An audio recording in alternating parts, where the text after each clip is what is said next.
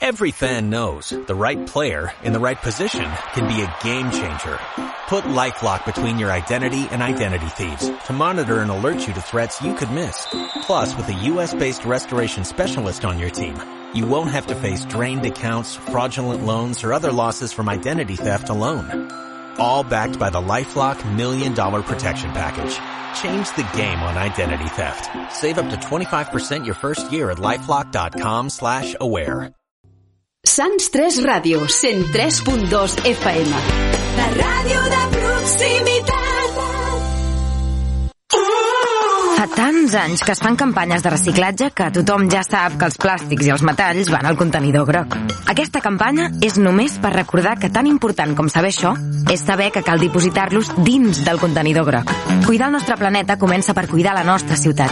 Cuidem Barcelona. Ajuntament de Barcelona.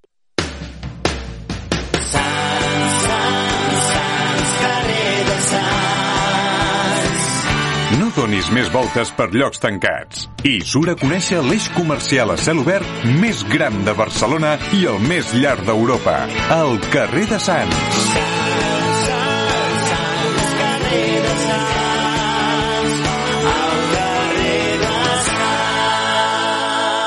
Carrer de Sants, sens dubte. Eix comercial Sants Les Corts. Més de 200 botigues on hi trobaràs de tot amb el millor preu, qualitat i tracte proper.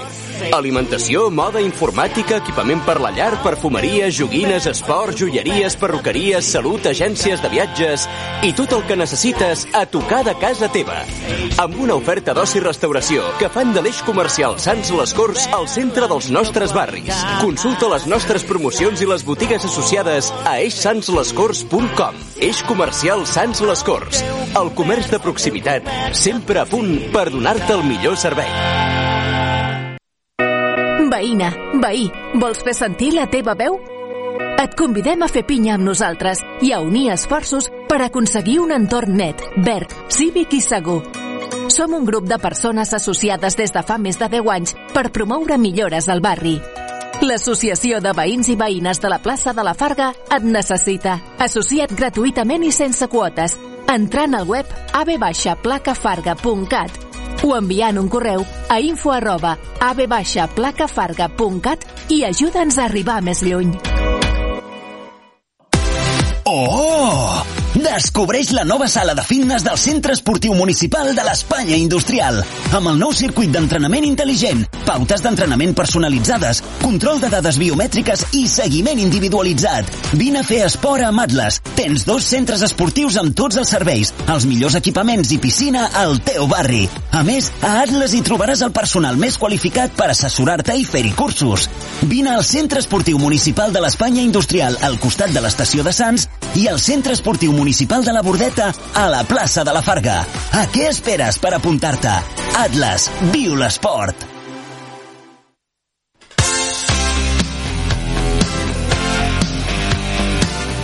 Tot porter, especialistes en porters. Tenim guants, proteccions, botes, accessoris, calçat i roba esportiva. Equipaments per equips i tot tipus de material esportiu. Tracte directe i productes de qualitat. Tot porter al carrer Calàbria 252. Telèfon 93 430 88 09. 93 430 88 09.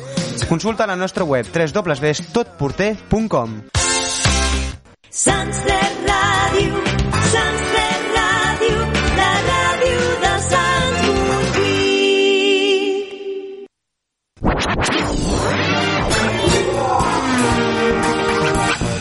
Sants 3 Ràdio, sempre amb l'esport del barri.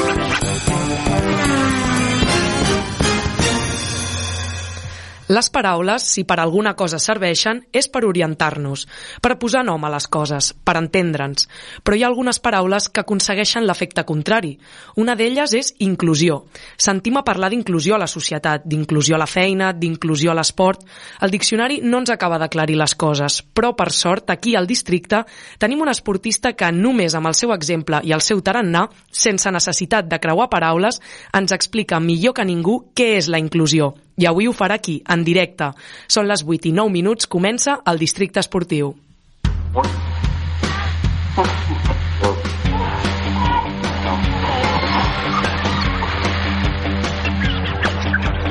Porto tot el dia patint pel resultat com haurà quedat el meu equip de Sants jo no res no sé jo sóc del poble sec d'Ibèria i la Farga hauré Districte Esportiu a Sants 3 Ràdio la Diputació de Barcelona dona suport als ajuntaments per fomentar la pràctica de l'esport.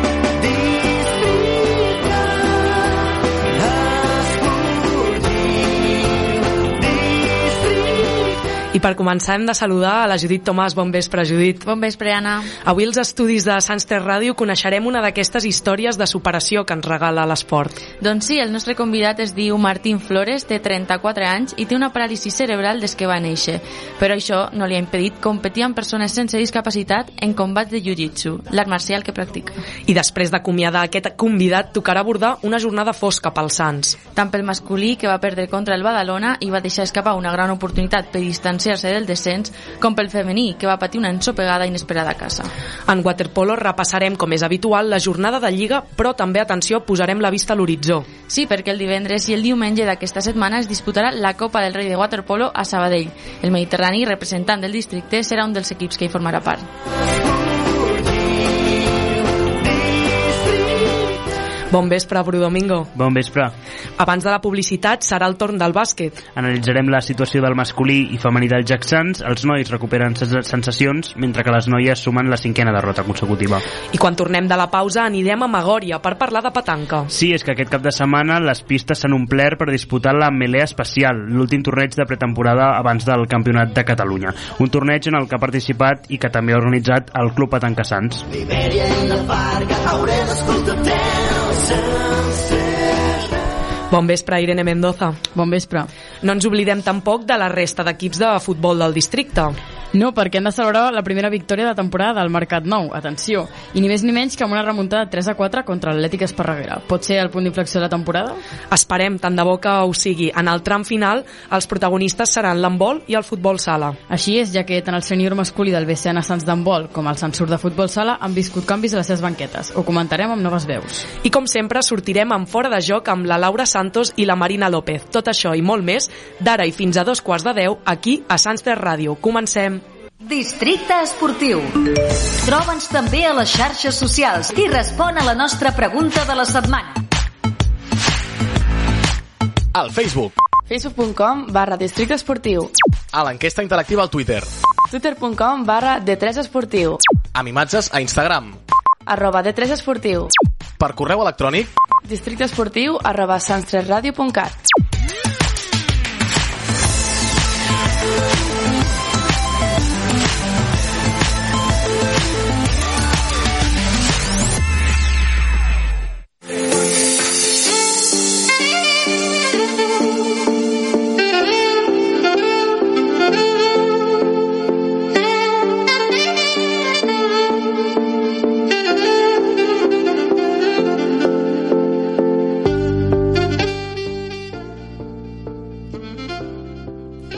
Avui parlem amb un pioner, algú que ha trencat les barreres de l'esport i en la societat.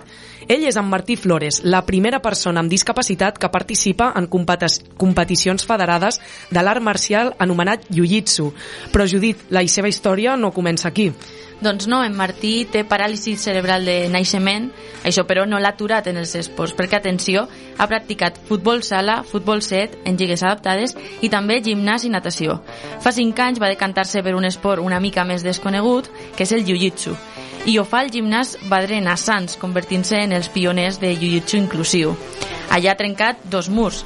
Primer, ser, accept, ser acceptat en els entrenaments a practicants sense discapacitat gràcies al seu entrenador, Axel Forreiter, però això no és tot. En adonar-se que la competició inclusiva era tot un èxit, van voler anar un pas més enllà. Després de molta pressió a la Federació Catalana de Judo i disciplines associades, s'ha convertit en la primera persona amb discapacitat en participar en competicions federades. I per sort ens acompanya avui a l'estudi. Bon vespre, Martí, gràcies per ser-hi. Gràcies a vosaltres. Ens fa moltíssima il·lusió tenir-te aquí i el primer que volíem saber era a per què vas triar el Jiu-Jitsu i si ens pot fer 5 cèntims sobre en què consisteix. Bueno, el Jiu-Jitsu, eh, una vez fui a casa a un entrenamiento a verlo y me pareció un, deporte diferente.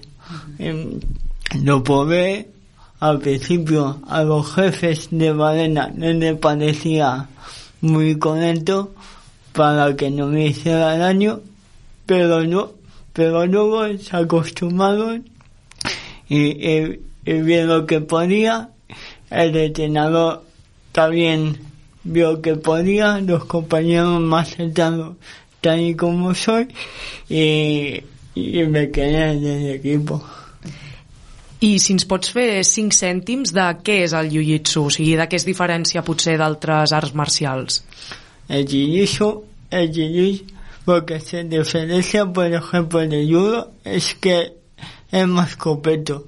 Eh, tiene eh, la parte de golpes, la parte de suelo y también haces un poco de judo. Es más completo que el judo y solamente cogerse y tirarse. I què és el que més t'agrada d'aquest esport? També en comparació als altres que has practicat, que, que són molts. Sí, lo que más me gusta de este es que eh, las competiciones no son cada semana o cada 15 días.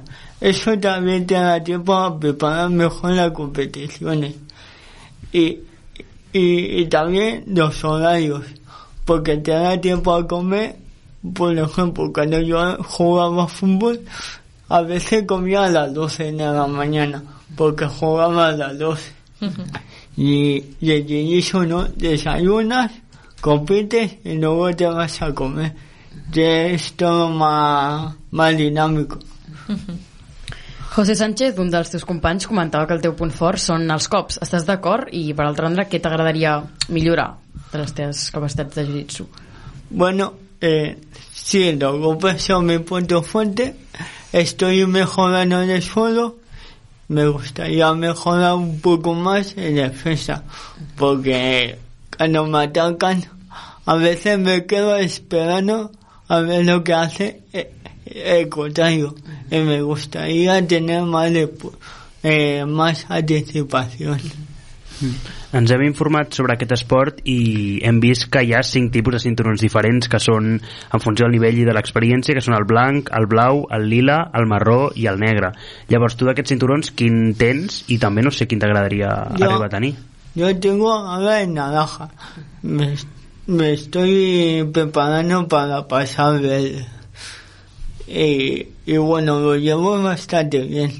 Eh, lo tengo que practicar más porque es bastante difícil, pero, pero lo voy a conseguir, como conseguí el amarillo y el, y el naranja. Y ahora pues voy a conseguir. Es más complicado, pero lo voy a conseguir.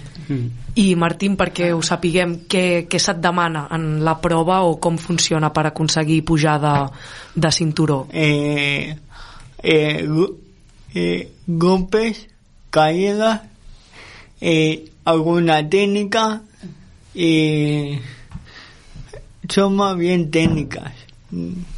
D'acord, i posats a, a somiar a, a quin cinturó t'agradaria arribar, però mirant lluny, vull dir...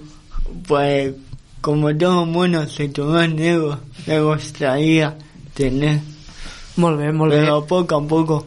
El Ah, tiempo lo dirá. Sí, però tu de moment el jiu-jitsu sembla que, que va per, llarg, no? Sí, sí. Jo por mi sí.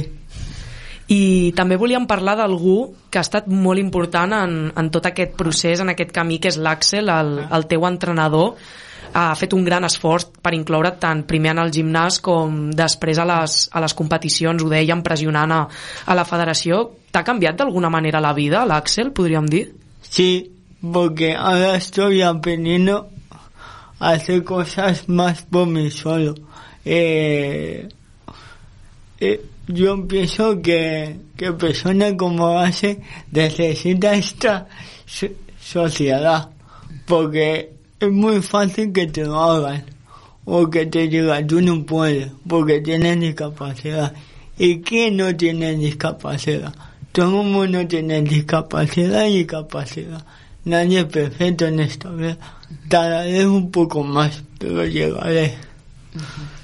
Clar, per exemple, en el reportatge de BTV que, que et van fer fa poc, un dels teus companys de Jiu-Jitsu explicava que ells mateixos van informar-se sobre la paràlisi cerebral que implicava i I llavors aquest gest fa pensar que potser la gent jutja les vostres capacitats sense conèixer suficient. Sí, la gente hasta que no lo vive en su propia familia, en su propia sangre, no, no sabe lo que es una discapacidad. Pero, ¿qué es una discapacidad? Yo no me considero di- discapacitado de todo. Yo tengo otra forma de caminar, otra forma de vivir, que a lo mejor otra persona no lo sabe. Clar, i també volíem, seguint amb, amb la figura de l'Àxel, com és la teva relació amb ell? És a dir, és algú que potser t'ha fet veure que podies arribar més enllà d'on tu mateix pensaves o com és, com és la vostra relació? Sí, ella me ha hecho ver que puedo hacer muchas más cosas y que puedo ser más independiente, más independiente de lo que yo me quedo. Eh, y también a propio Valena, yo creo que ha visto cosas que puedo llegar a hacer y que ellos no me dejaban de hacer.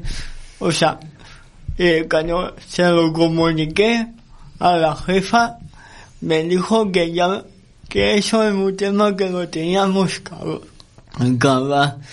Y ahora, tres, cuatro años después, está encantada que yo esté en el equipo, porque ve que puedo, me gusta y que me esfuerzo. I parlàvem de, de tota l'ajuda que t'ha donat l'Àxel. Com va ser l'espera per saber si la federació t'acceptaria? I veies clar que podries que amb la, amb la pressió de l'Àxel podries ser acceptat o tenies por a que te- no et deixessin competir? Tenía miedo que no me deje competir, porque la gente, las federaciones aquí, eh, a nivel de España y a nivel de Cataluña, no, no están acostumbradas a ser inclusivas. Eh, eh, está, nosotros digamos los especias de deporte a hay otras federaciones aparte. Por ejemplo, la de fútbol no quieren personas discapacitadas, ni en la catalana ni en la española. Y Escocia, Países Bajos, Francia, sí que son inclusivos. Están todos en el mismo saco. Y, y son profesionales.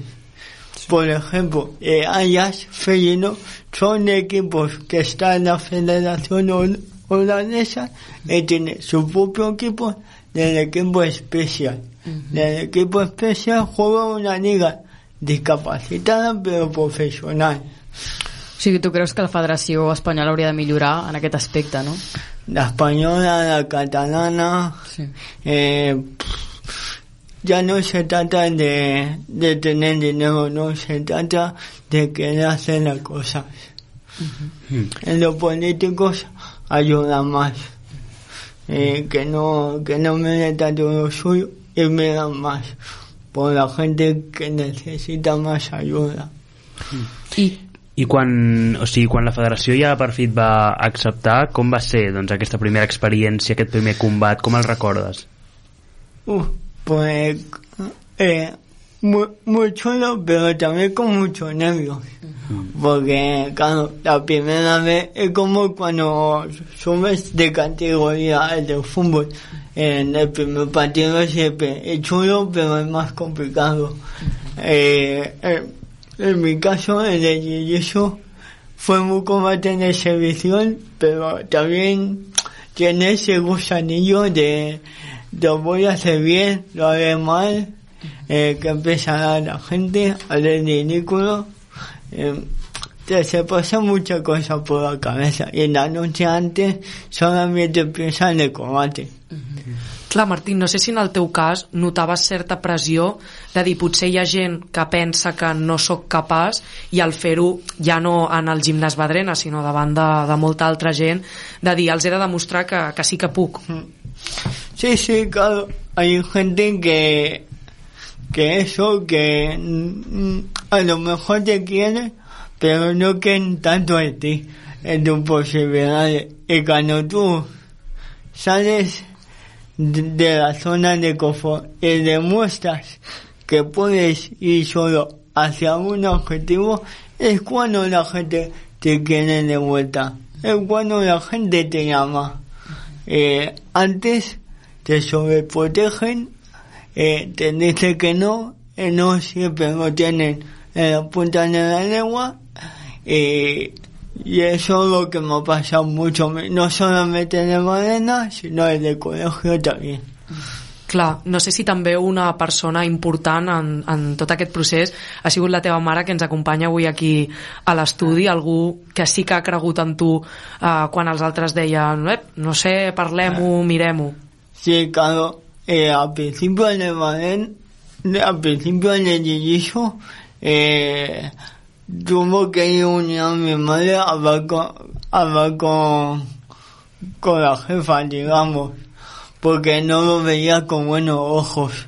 Y entonces, que la familia que te apoye es un, es un punto muy, muy importante, porque ya te sientes con más confianza. Y si después te, te apoya el equipo el entrenador mucho mejor.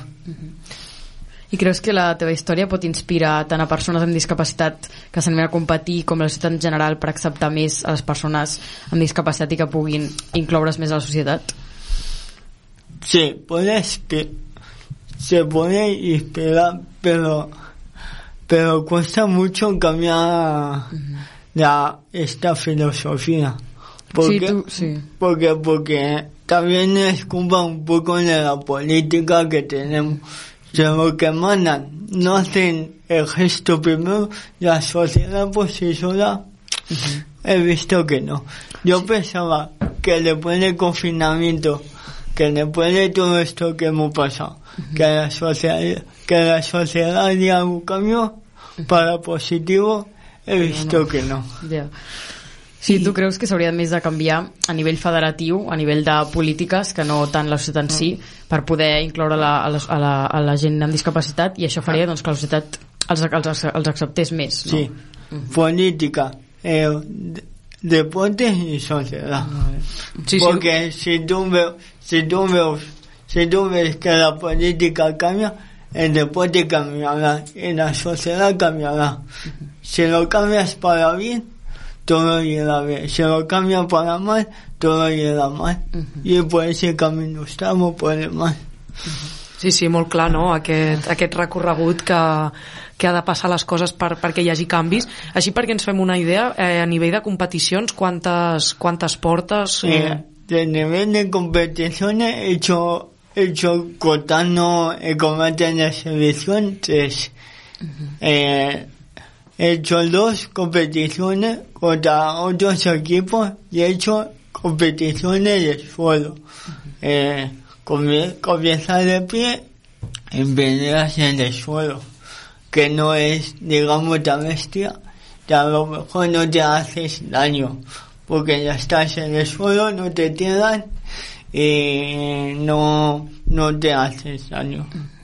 I quan tens la, la propera, ho saps, encara no? Yo, yo no sé cuán compartiré, no sé qué hay en mente, eh, lo que sí, lo que sí que puedo decir, que, que estamos haciendo Valencia, que hemos ido, hemos ido a Valencia y hemos hecho un entrenamiento con la selección valenciana, eh, y eso también me va bien para ponerme contra otros luchadores sin discapacidad. I canviant de tema, hem vist per xarxes que ets un gran seguidor de la Unió Esportiva Sants.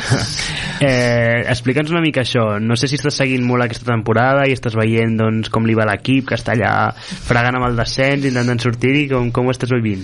Sí, bueno, eh, eh, es lo que tiene la tercera división, que hay muchos, muchos equipos, cada año son más buenos, como Santaneo, Europa, mm, la Popa de Mafumet, y que tienen presupuestos mucho más altos, campeón propio y, y esposos, en cambio nosotros no tenemos ni campo, ni muchos esposos, y claro, eh, los jugadores se esfuerzan, el entrenador es bueno. Yo creo que con un poco de suerte, si el descenso de compensado no nos ayuda, yo creo que con, que algú podemos salvar la categoria. I tens algun jugador preferit aquesta temporada? Mm. O alguns? No cal que triïs només un. Franco. Mm. T'agraden els davanters? Sí, sí.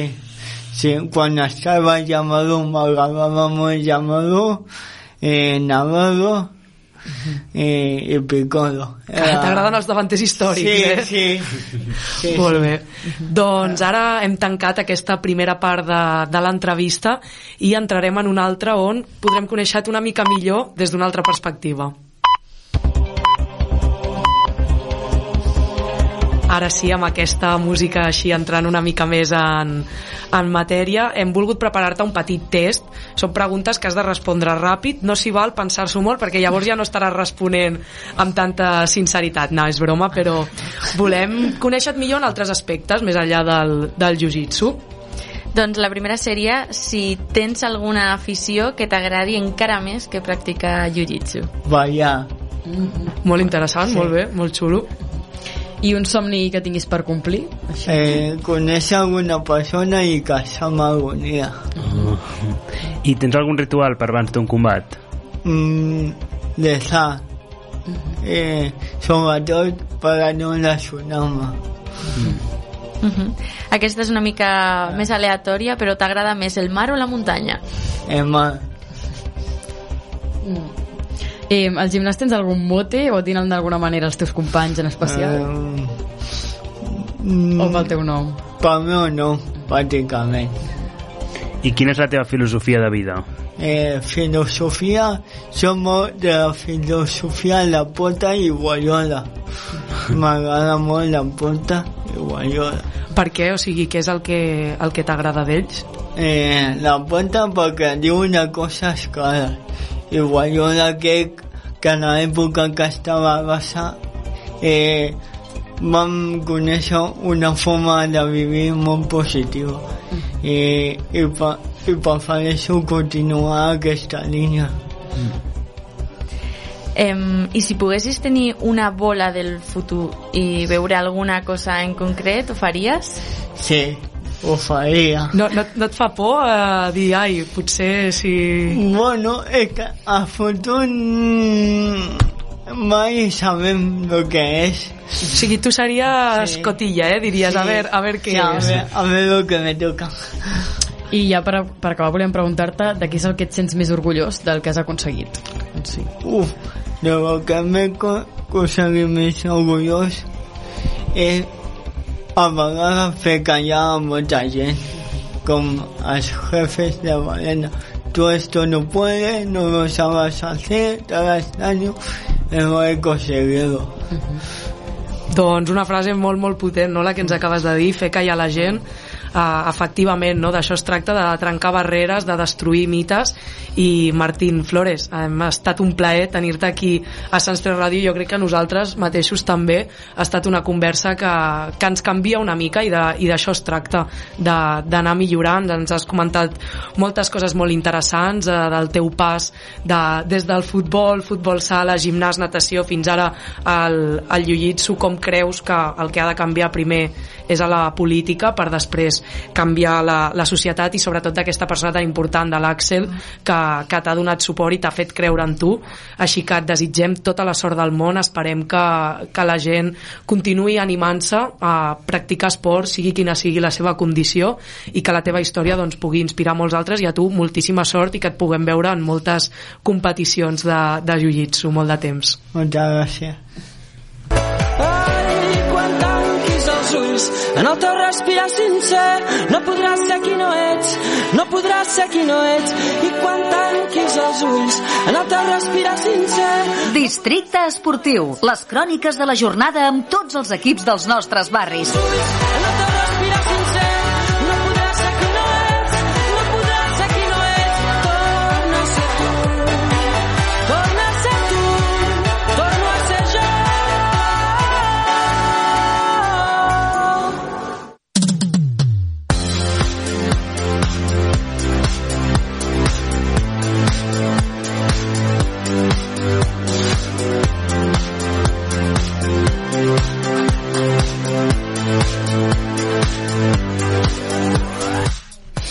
Doncs després d'aquesta conversa tan interessant que hem tingut amb el Martín Flores i que ens, sobretot ens ha fet reflexionar, toca passar a l'actualitat esportiva del barri de Sants, en concret parlar de la Unió Esportiva de Sants, a qui se li ha escolat entre els dits una gran oportunitat per mirar de lluny el descens. Podia deixar 8 punts per sota a un rival com el Badalona, però Bru finalment s'ha acabat complicant l'existència. Sí, el que podria haver estat i el que finalment s'ha produït és força diferent. El Sants podria deixar molt enrere el conjunt escapulat, que venia ferit amb 6 jornades sense guanyar, però que va acabar imposant-se a l'energia per 0-2 per comprimir la part baixa de la taula. Una llàstima. Sí, una llàstima, però Bru, comencem pel principi amb un Sants, amb un Sants calcat, el de l'última jornada. Sí, de fet l'entrenador Borja López va decidir repetir el vestit de gala de la passada jornada, ho recordareu, aquella victòria heroica i inèdita al camp del Sant Cristóbal, i va sortir amb els mateixos 11 jugadors, una cosa poc habitual que només havia passat dues vegades, contra el Tona i contra la Rapitenca, però tot i ser els mateixos noms, la cosa no rotllava com la setmana passada. I clar, Irene, en la primera ocasió del Badalona, també del partit, el Sants encaixa un cop. Sí, un partit poc vistós, difícil de mastegar i amb molta igualtat, on res no passava, fins que de sobte el conjunt dirigit per Santi Álvarez va col·locar una passada a l'esquena de la defensa blanquiverda i Suzuki, el tanc de referència, sol davant Castelló, va definir a plaer després de triurar-se'l. Sobre la jugada de gol i les mancances de l'equip va parlar Borja López als micròfons de Sants 3 Ràdio. Una vegada se'ns oblida que quan estem atacant també estan defensant. La primera part, en la primera aproximació que han tingut ells eh, ha sigut el 0-1. Eh, ja et dic, eh, la segona part sí que sabíem eh, que el partit s'obriria eh, una mica més eh, i això ha sigut, avui no, no hem estat fins al tema de duels, tema segona jugada l'equip estava per molts moments eh, una mica partit i això no ens beneficiava perquè aquesta gent per fora tenia punyals Sens dubte, aquest va ser un dels mals de l'equip que va tornar a fallar en els moments decisius del partit. Una paraula que fa servir molt Borja. Doncs sí, sí que la fa servir Bru. Arriba al descans amb el Sants perdent per la mínima, com va passar contra el Sant Cristóbal, però la sensació que podia coure, no?, la remuntada. Sensació que la pausa li podia anar molt bé als Sants, que en la primera meitat va estar absolutament absent en fase ofensiva. Ni Hicham Benamar va estar al nivell de l'últim partit. Franco seguia sense trobar el seu espai i Caresia sempre s'embolicava i estava espès en la presa de decisions. I el resultat és que els encencs no van provar els guants de Freud, porter visitant, en els primers 45 minuts. Aquesta va ser una altra de les mancances del Sants, segons Borja López. L'escoltem. Crec que avui ens ha faltat eh, una mica de punx, eh, de tres quarts cap endavant, no hem estat encertats en, aquest, en aquesta última presa de decisions, eh, hem tingut tres, quatre ocasions molt clares per, per poder ficar i avui no ha entrat. Bueno, eh, ara el que tenim que fer és estar, estar tranquils, no canviar res del que veníem fent, eh, ni la setmana passada érem eh, molt bons i ni aquesta setmana som molt dolents. Perquè, Bru, la punteria no va millorar gaire a la segona meitat. Bueno, només una mica. El primer a avisar és Zait amb un xut enverinat que va desviar Castelló de manera providencial. Zait, per cert, un dels exencencs que van jugar a l'energia, igual que Prado, i batalla. I després d'aquesta ocasió rival arriba la més clara dels Sants, que va ser cosa de màgia negra que no entrés. Cadena des del balcó de l'àrea va col·locar la pilota a l'escaire, va impactar en el pal, va rebotar l'esquena al porter i va sortir a córner. De nou al Sants li tornava a sortir, a sortir creu en un moment fonamental del partit. Em puc imaginar com, com narraria l'Albert aquest moment tan enrebaçat i que malauradament doncs, no va sortir cara pel Sants. Irene, el Badalona estava en mode assassí i va seguir amb aquesta eficàcia que podríem dir gairebé completa. Sí, així és perquè en el tercer xut a porteria va sentenciar amb el 0 a 2. Una gran jugada de Velasco que col·loca la pilota ajustada al pal, lluny de la- de l'abast de Castelló, estaborneix defini definitivament els Sants. L'equip ja no podia tenir per sobre la gespa tots els jugadors d'atac possibles, i Benamar, Franco, Caresia, Ivan García i Hugo en el descans, Granero Damiano Obispo més tard, però no hi havia manera de capgirar el resultat. I per a més Inri, el Sants va veure com Dani Jodar era expulsat. Sí, i era a la banqueta i havia estat substituït i va ser per protestar l'àrbitre, a Gómez Meneses, que no va tenir el seu millor dia. I va perdre el control ensenyant targetes a tor i a dret. I Bru, et volia preguntar, un dia de bloqueig puntual en el que no surten les coses pot ser el que va passar? Això segur, perquè l'equip no va fer un mal partit, però la sensació que el Badalona en va tenir prou amb molt poc per guanyar el Sants, i en tot cas res a veure amb les derrotes contra el Vilassar de Mar per 2 a 4 o el Vilafranca, per exemple, per 0 a 4. Però també hi ha un element de context que és important comentar. I que la Lliga amb la, i que la Lliga amb la, la, la identitat dels Sants i és que aquest equip se sent còmode quan les coses no van bé, quan se'l dona per mort quan, quan és el tapat, quan ningú li dona opcions, aleshores es revela contra les adversitats i contra els elements com a exemple la victòria contra el Sant Cristóbal o contra l'Europa. En canvi se sent incòmode en l'opulència en la corrent favorable en el tot va com una seda. Venia de fer una proesa, podia deixar un rival directe 8 punts per sota, el Badalona tenia absències importants i jugadors importants de suplent, com Khalid o Bilal, i tot i això també va pesar i molt. Clar, és una reflexió, la veritat, que, que bastant certa i bastant lògica amb el que estem veient en aquesta temporada. Per tant, Irene, hem d'esperar una gran versió dels Sants en la propera jornada contra el Sant Andreu? Doncs sí, seguint la lògica, hauríem d'esperar un Sants que anirà per totes a Narcís Sala, un dels camps històrics a més eh, de més ambient i a més difícils del grup. Borja López ens fa una petita prèvia. Penso que serà un partidàs. Mm, el Sant Andreu potser no arriba en el seu millor moment. Eh, avui ha empatat el camp de la Rapitenca. La setmana passada ha empatat el camp de Paralada. Això demostra també que, que cap equip és invencible. Eh, L'Europa ha perdut avui també. Irene, alguna cosa més que haguem de saber? Doncs el Badalona encara no ha pogut guanyar cap partit aquesta temporada com a local i en canvi abans de guanyar l'energia ja ho havia fet a fora contra el Girona B 0-3, la Rapitenca i l'Hospitalet. I el Sants encara se li resisteix guanyar dos partits seguits aquesta temporada. Doncs esperem que acabi arribant a aquests encadenar 6 punts seguits. Judit, aquesta és la situació de la Unió Esportiva de Sants, però ara anem a fer una ullada a la resta d'equips del grup 5 de tercera federació. Quines han estat les victòries locals? Doncs igual que la passada jornada, aquesta tampoc ha estat una jornada prometedora pels equips que jugaven al seu feu. La gran sorpresa ha estat la Fundació Esportiva de la Grama, que va guanyar 2 a 0 a l'Europa, i després també han sumat els 3 punts la Pobla de Mafumet contra el Vilassar de Mape 2 a 1 i el Peralada 2 a 1 també contra l'Hospitalet. I què fan la, què fa per les victòries visitants? Doncs la més àmplia va ser la del Girona B, que va guanyar 0 a 4 al Vilafranca, després el Tona, que va perdre 0 a 2 contra la Muntanyesa, i malauradament, i com ja hem comentat, el Sants 0 a 2 contra el Badalona. I quins han estat uh, aquests dos empats que ens deixa la 17a jornada? Doncs el primer una gran sorpresa perquè van empatar a dos el, el Rapitenca i el Sant Andreu i l'altre el Castelldefels contra el Sant Cristóbal Perú. I ara anem a fer una ullada a la classificació, Bru. Qui lidera la taula? Torna'ns-ho dir. doncs el de sempre, l'Europa, que tot i la inesperada derrota d'aquesta jornada, evidentment manté el liderat amb 43 punts. I qui es troba en els llocs de playoff d'ascens? Doncs tampoc cap canvi, eh? gairebé. El Sant Andreu és segon, la Muntanyesa és tercera i el Sant Cristóbal quart. I la novetat, aquí sí, el Paralada, que recupera el cinquè lloc a costa del Castelldefels. I ja per acabar, qui està en aquesta zona de descens? Doncs hi entra el Vilafranca i els altres dos acompanyants són els de sempre, el Vilassar de Mar i la Rapitenca. Recordem, ja per acabar, que el Sants visitarà el Sant Andreu a l'imponent Narcís Sala, un partit d'alt voltatge. Apunteu-ho bé, eh? totes les agendes obertes, mòbils oberts, el proper diumenge a les 12 hores. Com sempre, podreu seguir el partit en directe per Sants 3 Ràdio.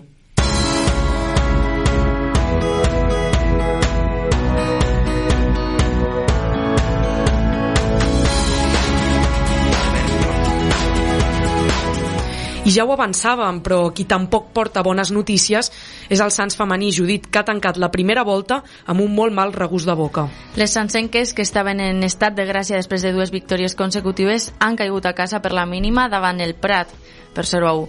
Un rival que estava per sota la classificació i que ara només se situa dos punts per sota de les blanquiverdes. El segon entrenador de l'equip, Guillem Reixats, parla d'un dels pitjors partits de la temporada.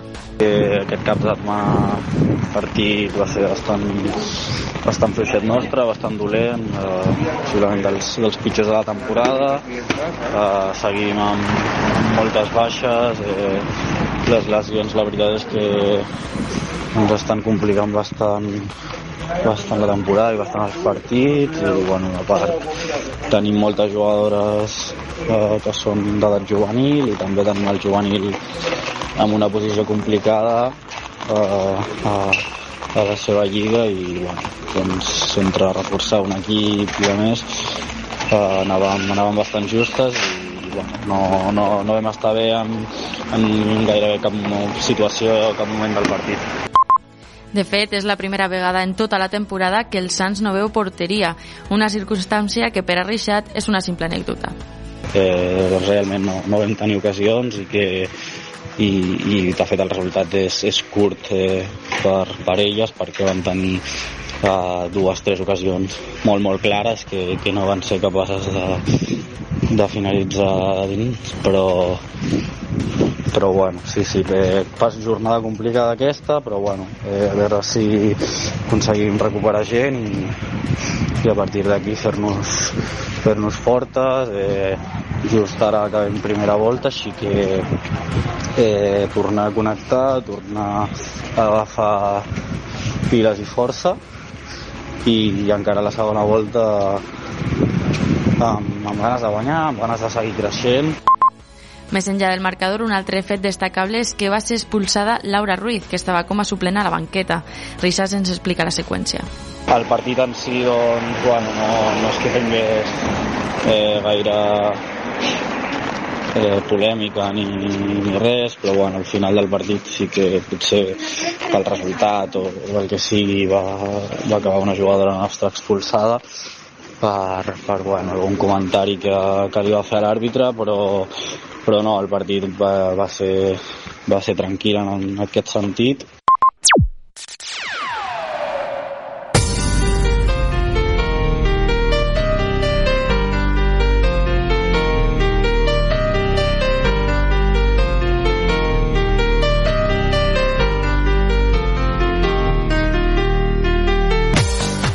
Ara toca capbussar-se a la piscina per explicar com va als equips de waterpolo del barri. Judit. Doncs el Montjuïc continua enxufat amb una bona ratxa de victòries i va guanyar el Waterpolo Navarra a casa per un ajustat 3 a 2. Marc Gispert va ser l'encarregat d'anotar el tercer gol que donava la victòria al conjunt sancenc. Amb aquest resultat, Montjuïc, el Montjuïc continua líder de la classificació amb 18 punts. Irene, el medi masculí, aquesta jornada va poder per fi sumar 3 punts contra Acosta del QE de la classificació. Sí, l'equip va acabar guanyant per 12-9 a casa en un cara a cara contra el Rubí. Al darrer quart, el Medi va demostrar la seva superioritat anotant els darrers 3 gols que donarien la victòria a l'equip sencer. Jan Pérez va anotar el 12 i darrer gol pels del Medi. Estem molt contents perquè cantem el ple de victòries aquesta jornada, Bru. El Medi femení segueix encadenant alegries. Sí, perquè va poder sumar 3 punts a casa contra el Club Natació Catalunya i les del Medi van superar les rivals doncs, per 13 a 9 en un partit de domini de les sencenques. Amb aquest resultat, les del Medi se situen en un bon quart lloc a la classificació a tan sols 3 punts del líder, el CN Sabadell. I ara toca recordar una data també molt important que cal que tothom s'apunti. És del 3 al 5 de febrer, és a dir, aquest cap de setmana, quan se celebrarà la Copa del Rei de Waterpolo a Sabadell, com a seu, al partit de quarts de final. El medi masculí jugarà contra el Club Natació Barcelona. Aquest any, atenció, també és una dada important i que volíem remarcar, 7 dels 8 equips que disputen aquesta Copa del Rei són catalans, amb tan sols el Club Natació Tenerife, que és de fora del territori, per tant, diu molt del nostre waterpolo i el dilluns que ve repassarem com els hi ha anat, esperem que celebrant que han passat de ronda.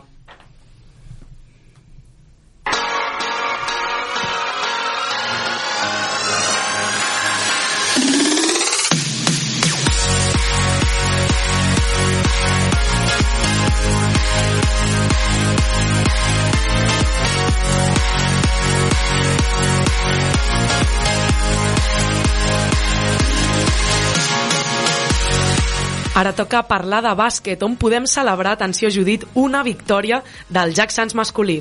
Després de l'ensopegada de la jornada passada, l'equip ha vençut còmodament als Maristesa de Mar per 64 a 81 i se situa segon a la classificació però empatat a punts amb el líder, el Masnou. El tècnic de l'equip, Albert Gómez, assegura que l'equip era conscient de la dificultat del partit. partit eh, que teníem al calendari com a partit molt complicat i més venint de de- d'una derrota al camp de Ciutat Vella eh, la situació al calendari s'havia fet que, que tot estigués molt més apretat estaven només a, a una victòria si ells ens guanyaven es col·locaven a una victòria nostra Tot i això, Gómez va quedar satisfet de l'actuació dels seus jugadors. la veritat és que l'equip va estar molt i molt solvent, molt concentrat, molt sòlid, fent bé la feina, sobretot els tres primers quarts. L'equip va aconseguir una superioritat al primer quart que, segons destaca Gómez, van saber mantenir. Quan ja teníem aquesta avantatge vam ser capaços de consolidar-la, que a vegades és el més complicat. Vam fer un altre bon parcial i ens en vam anar al marcador fins a 20-22 punts amb molt bones sensacions, jugant bé, trobant-nos eh, trobant-nos bé, eh, trobant el tir que volíem, corrent, defensant, eh, bàsquets senzills, Doncs d'això es tracta, no? de trobar-se bé. Esperem que, que així sigui uh, per moltes més jornades amb el Jack Sands masculí, però ara, Irene, hem de parlar del femení que no ho van fer tan bé. Sí, perquè no va ser capaç de superar el Sabadell a casa i va acabar perdent 38 a 53. El partit, dominat de principi a fi per les angarenques, implica l'equip- la cinquena derrota consecutiva de l'equip i les obliga a ocupar una perillosa onzena posició, a només dos punts del CUE, el Sala Cerdanyola. L'entrenador de l'equip, Oriol Vallès, valora així el partit. Aquesta setmana, amb el sènior femení, començàvem la segona volta contra Sabadell Sud, rival de, de la zona alta. Nosaltres mm, aquesta setmana hem tingut setmanes de, bastant, de bastants canvis. Ara tenim un nou staff amb el sènior, on estem intentant canviar la dinàmica, estem intentant eh, motivar les noies i sortir endavant, aconseguir bones dinàmiques que ens portin a victòries per intentar sortir dels, dels jocs de descens, que ara som ara mateix som l'últim equip que descendria. Estem a una victòria de, de la salvació i i res, les noies la veritat és que no els hi demanàvem una victòria, els hi demanàvem un canvi d'actitud i el van tenir, van ser molt intenses van jugar el que els hi demanàvem tot i que només portéssim una setmana treballant amb elles i, i vam veure el canvi que necessitàvem veure per, per seguir treballant a partir d'aquí aquesta setmana tenim rival directe, juguem contra just el rival que tenim per sota, contra l'Horta. Intentarem que les bones sensacions es tradueixin en la primera victòria per part nostra d'aquest staff i, i anar sumant bones sensacions per, per acabar obtenint la salvació al, al final de la temporada. Doncs un objectiu clar per l'equip femení del Jack Sands, aquesta salvació que ens deia l'Oriol Vallès, el seu entrenador. Bru, pel que fa al Sant Madí, s'emporten una altra derrota al sac. I en són 5 de consecutives que deixen l'equip ocupant la darrera posició de la classificació. Aquesta jornada la derrota va ser contra el Palcam per 31 a 50 i probablement el resultat final parli pitjor dels sencencs del que va suposar realment el partit. Tot i que és cert que un quart quart desastrós els va condemnar a la derrota, la resta del partit va ser molt igualat amb fins a 10 canvis de guanyador. La desconcentració i cansament final doncs, van significar una altra derrota que manté l'equip en una situació crítica. I Judit, del Sant Madí masculí passem al femení, que una mica més del mateix. Suma una derrota també contra el Palcam, però en aquest cas per 42 a 64. La situació de l'equip femení, però, no és ni de bon tros la del masculí, ja que són cinquenes a la classificació i a 4 punts del líder, el Sant Gervasi. Qui sí que va guanyar i amb contundència va ser el BIM. Per 64 a 34 davant un Itma absolutament desaparegut durant tot el partit. La superioritat sencenca va anar increixendo a mesura que passaven els minuts i va valdre d'un inspirat Max Batiste per tancar el partit amb 20 punts de diferència. L'equip queda doncs ocupant una còmoda sisena posició més pròxima a l'ascens que no passa al descens. I Irene, pel que fa al BAM, una victòria i una derrota. Sí, els homes van perdre contra l'Igualada B per 61 a 55, però les dones van poder guanyar contra el Claret per 61 a 54. Pel que fa a l'equip masculí, al conjunt sencenc se li va escapar l'últim quart un partit que tenia guanyat fins a entrat al quart quart. Aquesta derrota enfonsa l'equip a la zona del descens, tot i jugar contra el CUE. L'equip femení, com hem, com hem dit anteriorment, sí que va ser capaç d'endur-se la victòria i presentar una, un panorama ben diferent. Vuitenes classificades a la Lliga i a 5 punts del líder. I Bru, la Marina ha aconseguit començar a sortir del pou eh, aquesta jornada. No, lamentablement no, i continua ocupant la penúltima posició de la taula només un punt per sota de l'avantpenúltim, precisament el BAM. La derrota va ser per 59 a 74 contra els escolapis de Sarrià. I pel que fa al Sant Antoni Poble Sec, una de freda i una de calenta. Victòria dels homes per 69 a 60 contra el Ripollet i derrota de les noies contra el Gramenet per 56 a 40. I ara, repassada aquesta intensa jornada de bàsquet, passem a una breu publicitat, però no us desconnecteu perquè en uns instants tindrem en Jonathan Ferrari, el president del Club Patanca de Sants, per parlar d'aquesta melé multitudinària que es va viure aquest cap de setmana a Magòria. Ens escoltem en uns minuts. Sants 3 Ràdio, 103.2 FM. La ràdio de proximitat.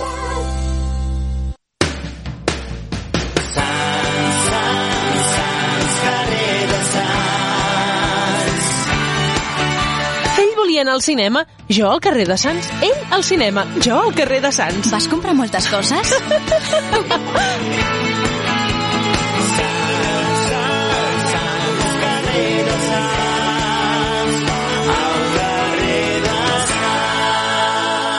N'és de gran Barcelona? Carrer de Sants. Vols canviar les finestres de casa teva per unes de més estalvi energètic? Se t'ha trencat un vidre o un mirall? Vols canviar la porta del teu comerç? Vols posar un tendal o una persiana? Vols posar una mosquitera? Vols canviar la banyera per un plat de dutxa? Truca a Vidres Pallarola, el rei de la mampara. Des de l'any 1967 al teu servei. Al carrer Badalona número 10 de Barcelona. Telèfon 93 339 35 34. Pressupostos sense compromís.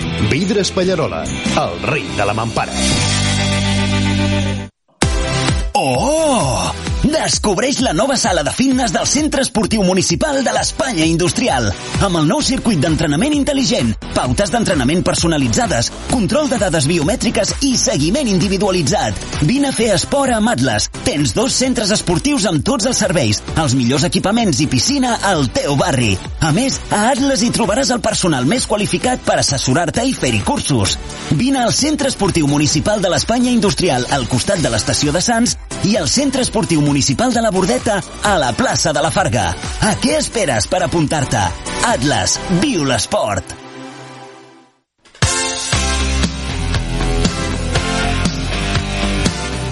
Tot porter, especialistes en porters. Tenim guants, proteccions, botes, accessoris, calçat i roba esportiva. Equipaments per equips i tot tipus de material esportiu. Tracte directe i productes de qualitat. Tot porter al carrer Calàbria 252. Telèfon 93 430 88 09. 93 430 88 09. Consulta la nostra web www.totporter.com Sants 3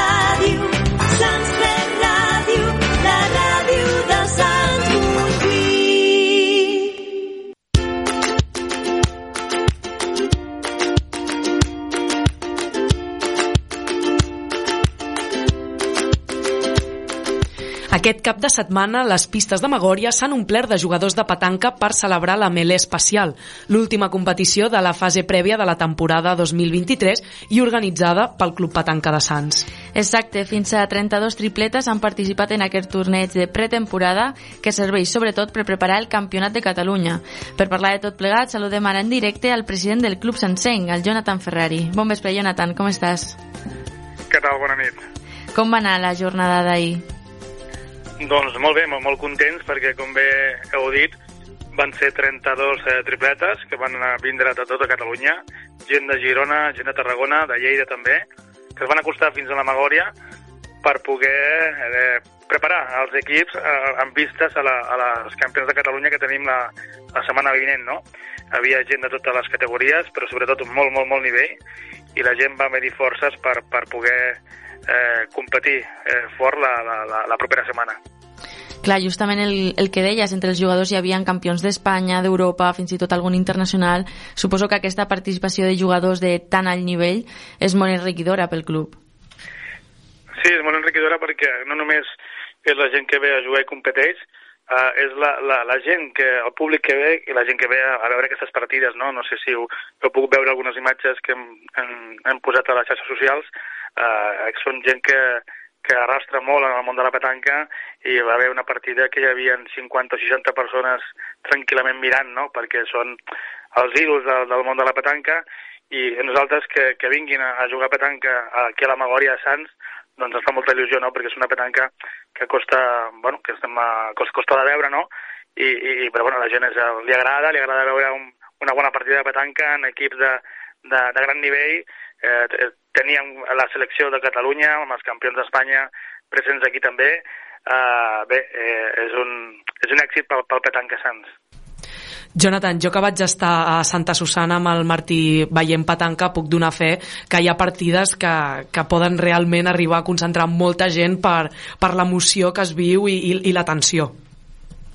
Sí, sí, com bé dius, la petanca, mm, bueno, a tu ara ja ho coneixes de més a prop, no? Però té, tenim l'estereotip de que és un esport de gent gran, que també nosaltres tenim la part d'aquesta, eh, tots els matins i practiquen la, la petanca, però per arribar a ser campió de Catalunya, d'Espanya, d'Europa, del món, eh, doncs es necessita com unes, unes virtuts no? i un entrenament que, que aquests jugadors, quan surten de treballar o de- d'estudiar, eh, doncs eh, practiquen hores i competeixen el cap de setmana per poder estar a un nivell top eh, per aconseguir eh, aquests èxits, no? Clar, Jonathan, parles d'ídols, parles de que la petanca està considerada ju- per judicis com a, com a un esport de, de gent gran, però tots aquests ídols segur que, que va ser tot una il·lusió pels més petits i petites poder veure'ls ahir, ahir jugant i, i conèixer no, els referents. Sí, com bé dius, nosaltres, eh, eh, bueno, aquest any som un dels clubs que sempre han cuidat la, la cantera, no? som els actuals campions d'Espanya en categoria juvenil, eh, i bé, vam, vam participar a l'equip, eh, els cinc juvenils que té el Petanca Sants van participar en aquest, en aquest torneig, i de fet van plantar cares van, a, a equips eh, molt grans, no? Van, van, també es volien enfrontar amb gent, evidentment, amb categoria sènior, d'una categoria superior, eh, però van, van jugar a un bon nivell, van fer un gran paper, els juvenils dels Sants, i jo crec que, que els, el Petanca Sants aquest any en categoria juvenil també, no sé, em dona bones sensacions i crec que tindrem molts èxits com estem eh, tenint fins ara. I en declaracions, a... B- en declaracions a BTV vas comentar que esteu preparant una competició a nivell internacional. Què ens en pots explicar sobre això? Bueno, aquesta competició està en, en fase embrionària, eh, però sí, ho vaig, eh, ho vaig llançar a, a BTV, que per cert eh, van vindre a fer el, el petit reportatge i donar una mica de, de, bueno, de més bombo a, la, a lo que és la, la competició. I bé, nosaltres, com bé sabeu, doncs cada any doncs, participem a Bèlgica, participem per Suècia, per Dinamarca, i bé, eh, a França també hi anem. Eh, nosaltres eh, ens agradaria no, acollir amb, aquestes, amb aquests clubs, amb, aquesta, amb aquests jugadors internacionals que, que, ens, que ens conviden cada any, ens agradaria a poder-los rebre amb el futur Magòria, no? però com que veiem que això encara retrassa, doncs eh, ens, ens avancem i volem fer aquest any el primer internacional Petanca Sants, no? Volem convidar amb aquests eh, amics internacionals, eh, bueno, eh, intentarem que, que el torneig eh, surti bé, eh, estareu al cas, però també serà un èxit pel, pel Petanca Sants eh, rebre eh, aquests equips, no? Esperem en un futur, quan estiguem al Magòria oficial, eh, doncs fer una competició encara més important i, i que la gent internacional, els estrangers que, que ens venen a, a visitar, doncs que vegin que la ciutat de Barcelona doncs per fi eh, té unes instal·lacions de petanca de primer nivell, de prestigi, de futur, com es mereix no? la, la ciutat de Barcelona, no? Que no ens sentim una miqueta eh, avergonyits i petits, no? Com una ciutat de Barcelona on calculem que potser eh, estem en 30 clubs, uns, unes 3.000 llicències de, feder, de federats, eh, que, que jo crec que, que la ciutat eh, en si eh, eh, eh, té, té pendent amb la petanca una instal·lació maca, bonica, on es puguin acollir, acollir instal·lacions internacionals i si sembla ser, com va dir el nostre regidor, David Escudé, a la roda de premsa, doncs aquestes instal·lacions top de la ciutat de Barcelona poden estar al complex de Magòria, doncs eh, esperem que, que sigui així i poder continuar eh, fent competicions d'aquesta mena, no? Clar, comentaves que no... O sigui, aquesta, aquest futur torneig internacional el planegeu per, per aquest any, pel 2023, en una primera Sí, edició. en principi, en principi volem eh, fer-ho al mes de maig. Uh, un torneig internacional, però tampoc sense grans aspiracions, perquè evidentment la part econòmica és important uh, per, per fer una, una competició d'aquesta, encara que nosaltres hem fet crida a nivell de barri, no? de, de una, una, algunes uh, cases comercials es volen patrocinar, doncs això ja ho estem aconseguint i sembla ser que, que la gent està del barri està receptiva i hi ha alguna, hi ha alguna, alguna entitat, que, alguna empresa no, que ja ens, ens, ens està ajudant, no? Eh, però com, com dic, no, no només eh, les subvencions també ens ajuden, però per fer una competició d'aquestes eh, fa falta un, un bon recolzament econòmic, no? De moment ho, farem en primer any eh, en petit comitè, diríem, però nosaltres l'objectiu és que aquest internacional Petanca Sants doncs que vagi agafant embranzida amb, amb el temps no? i poder fer el futur Magòria quan arribi doncs, una, una festa de la petanca internacional i, i que, que, que ens sentim contents no? i, el, la, la, i els, els estrangers que vinguin que es sentin a gust i que vegin que Barcelona està a l'alçada amb instal·lacions i amb organització. Clar, i eh, ja per anar acabant, Jonathan, ens guardem aquesta, aquest mes que, que ens has dit, maig del, del 2023, com a, com a mes en el que viurem aquest primer torneig internacional de petanca de Sants, que tot i que sigui un, una cosa més en petit comitè, serà el primer, el primer pas. Eh, tot i així, no sé si la- l'aprovació la, de pressupostos on es contempla eh, Magòria us dona esperança a que el que abans fins fa uns mesos potser sí que estava molt més estancat ara sembla que, que potser va, va avançant una mica més Sí, no, el projecte va avançant, així ens estan informant des de la taula d'esports. Uh, bé, ara falta, uh, fa poc vam una reunió, no? però falta una mica uh, el, comença, com el començament de la part d'arquitectura. No? Nosaltres, uh, en, el, en el primer moment, uh, la petanca està ubicada a la zona, a la zona verda, a la zona verda de la, de la nova, del nou complex de Magòria. Uh, el que passa que una de les propostes que hem traslladat des de la taula d'esport i de la petanca Sants era eh, eh, el, diguéssim, el soterrani del que, del que serà eh, on estarà el parc de neteja, no?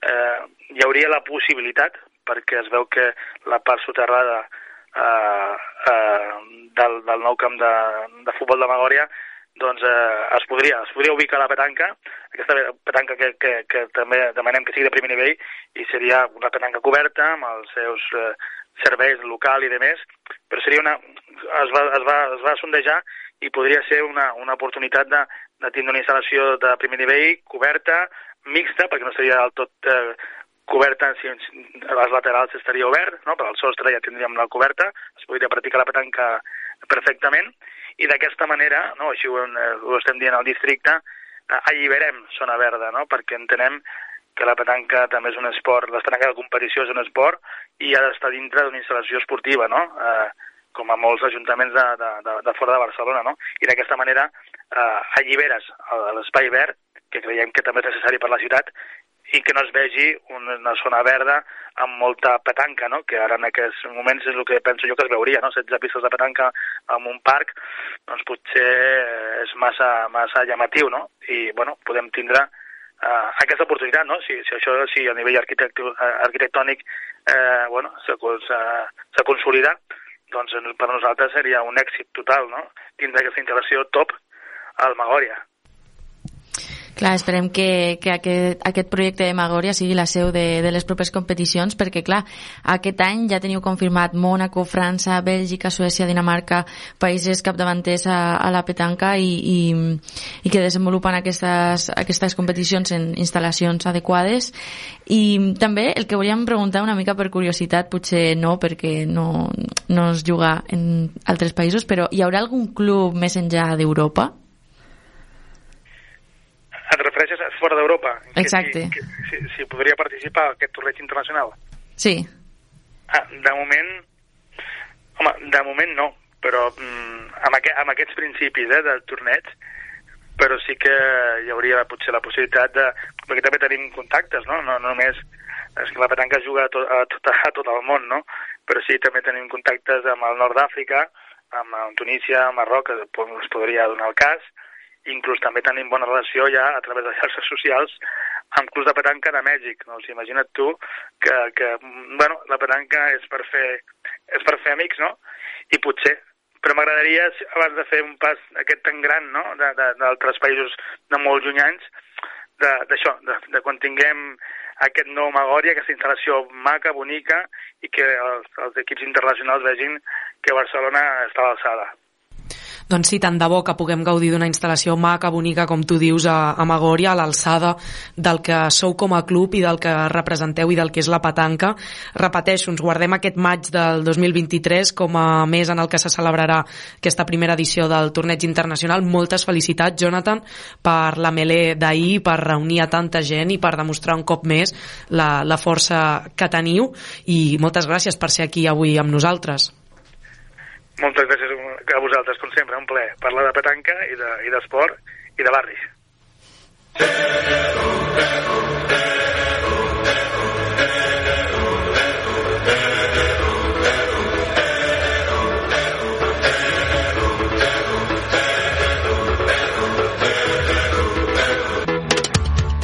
I després de repassar l'actualitat de la petanca, toca parlar de rugbi.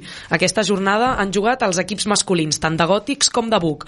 Bru, com els han anat aquests partits? Doncs una derrota per cada equip. El Buc va caure 53 a 29 contra el líder, el València, i els gòtics van perdre 31 a 6 contra els Sitges. Mirant la classificació, ni la situació d'uns ni la dels altres és per tirar coets. El Buc va sisè i els gòtics són coers i ocupen la novena posició.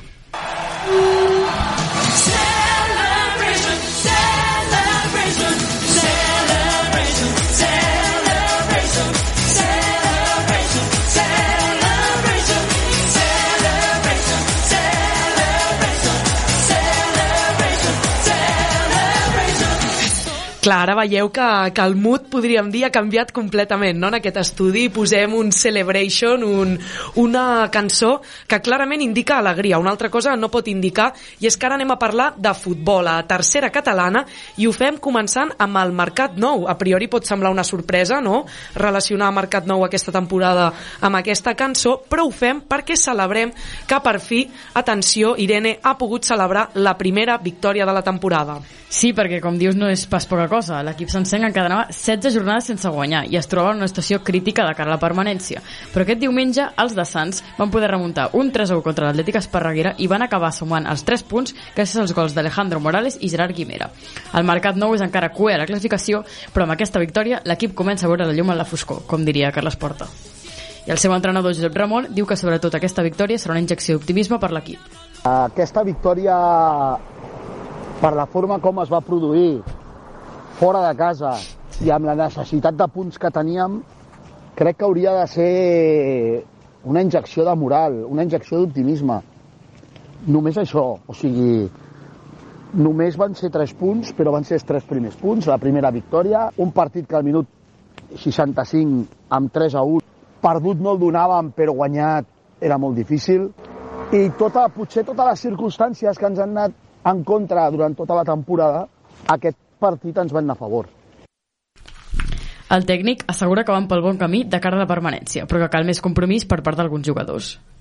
I pel que fa al, a el que pot suposar aquesta victòria, jo crec que ha de ser, no vull dir un punt d'inflexió, perquè l'equip encara està molt agafat amb pinces i, i no, potser hi ha jugadors que crec que han de donar un pas endavant i no l'estan donant a nivell de, de compromís, sobretot a nivell de compromís.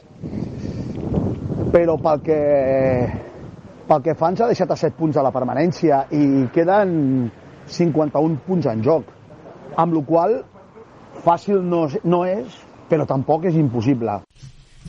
Ramon diu que el joc de l'equip va ser altibaixos, amb moments d'encert i moments d'errades. El joc de l'equip va ser un tobogan. El joc de l'equip va ser, va, haver, va ser un, van haver-hi diferents tendències en el mateix partit. Vam començar bastant bé, vam fer el 0-1, ells només ens creaven perill per banda esquerra, l'equip estava ben posat al joc, al, al, camp, molt, molt tranquils, ens van empatar amb una jugada a l'esquena, en fora de joc, i a, allà van començar a entrar dubtes, va venir l'expulsió i vam arribar al descans. A partir del descans, quan nosaltres parlem al descans que hem de ser, hem de ser sòlids i que hem d'anar pel partit, que som un jugador més, es produeixen dos errades, dos errades, una defensiva i una en sortida de pilota, i el partit se'ns se complica. A l'equip no es va venir baix, vam seguir insistint, vam fer el 3-2, amb una molt bona jugada col·lectiva. Després el 3-3 és un, un gol que entra aquest, de, de mil entrarà aquest, una volea de costat, en carrera i amb una pilota aèrea, i amb el 3-3 l'equip va anar per la victòria. I tant, doncs, per la victòria que havien d'anar amb un 3-3 i acabant remuntant fins a aconseguir el 3-4, se, se li ha resistit, però quina victòria, finalment, ha aconseguit el, el Mercat Nou. Ara toca parlar de l'Ibèria, que va acabar aquesta 17a jornada, Bru, amb el mateix resultat que la Unió Esportiva Poble Sec i un cop més no va poder sumar. Així és, l'Iberia va acabar perdent a casa contra el Júpiter també per un 0 a 2. I el Júpiter es va avançar al marcador a la primera hora de joc de la mà de Llorenç Ganesca. Patrick Chico va anotar el segon, que acabaria sent el definitiu per donar la victòria als visitants. Amb aquesta derrota, l'equip encadena 8 jornades sense guanyar I el seu tècnic Kekio Massaguer afirma que va ser un partit disputat i amb un bon joc de Libèria però que el rival els va superar.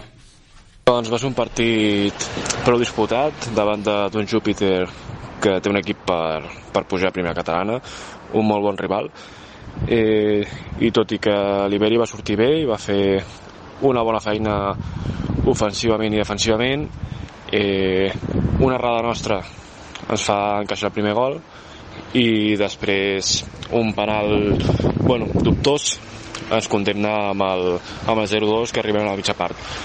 I després durant la segona part eh, ho vam intentar vam tirar una mica cap a dalt va ser mèrit d'un Júpiter que, que va fer un bon partit. Eh, a l'Iberia també va fer un bon partit però no, no va aconseguir arribar a finalitzar les jugades i, i per tant a, a treure punts d'aquí Per a Massaguer la situació de l'equip és preocupant, però confia en treure 3 punts als següents partits. i bueno, és una situació que sí que, que és preocupant perquè ja són molts partits. Eh, sí que és veritat que aquesta vegada no hi ha hagut aquest, aquest sentiment de, de que l'equip podia, podia fer més. Crec que s'ha fet el que, el que s'havia de fer, el que s'ha pogut fer. I bueno és una situació complicada com et dic per sortir d'aquí ara tenim un partit contra, contra la Metge del Vallès que estem a un punt i que és rival directe per la permanència. I bueno és aquest partit en el que s'han de treure 3 punts. Després Lloreda també és un rival directe. Llavors són 6 punts que marcaran el, el destí de, de l'equip Doncs sis punts que, que es competiran ara l'Ibèria i que també, com diu el seu entrenador Kekio, doncs definiran el seu futur, esperem que sigui amb la millor de les sorts. Ara, Judit, tenim la Unió Esportiva Poble Sec, que aquest diumenge, malauradament, ha encaixat una derrota a casa. Sí, la Unió Esportiva Poble Sec va jugar contra el Castell de Fells en un encontre que es va acabar decidint als últims 10 minuts del temps regla reglamentari. El partit va ser disputat, però Mario Gerboles va acabar sentenciant el maig marcant el 0-2 per al Castell de Fells al minut 89. I ja per acabar, l'APA Poble Sec, que va disputar aquesta 17a jornada contra el Vallirana. I ho va fer amb victòria a casa en un partit de pocs gols, un de sol de Amin Rauti, al minut 28 va sentenciar la victòria per al Sansenc.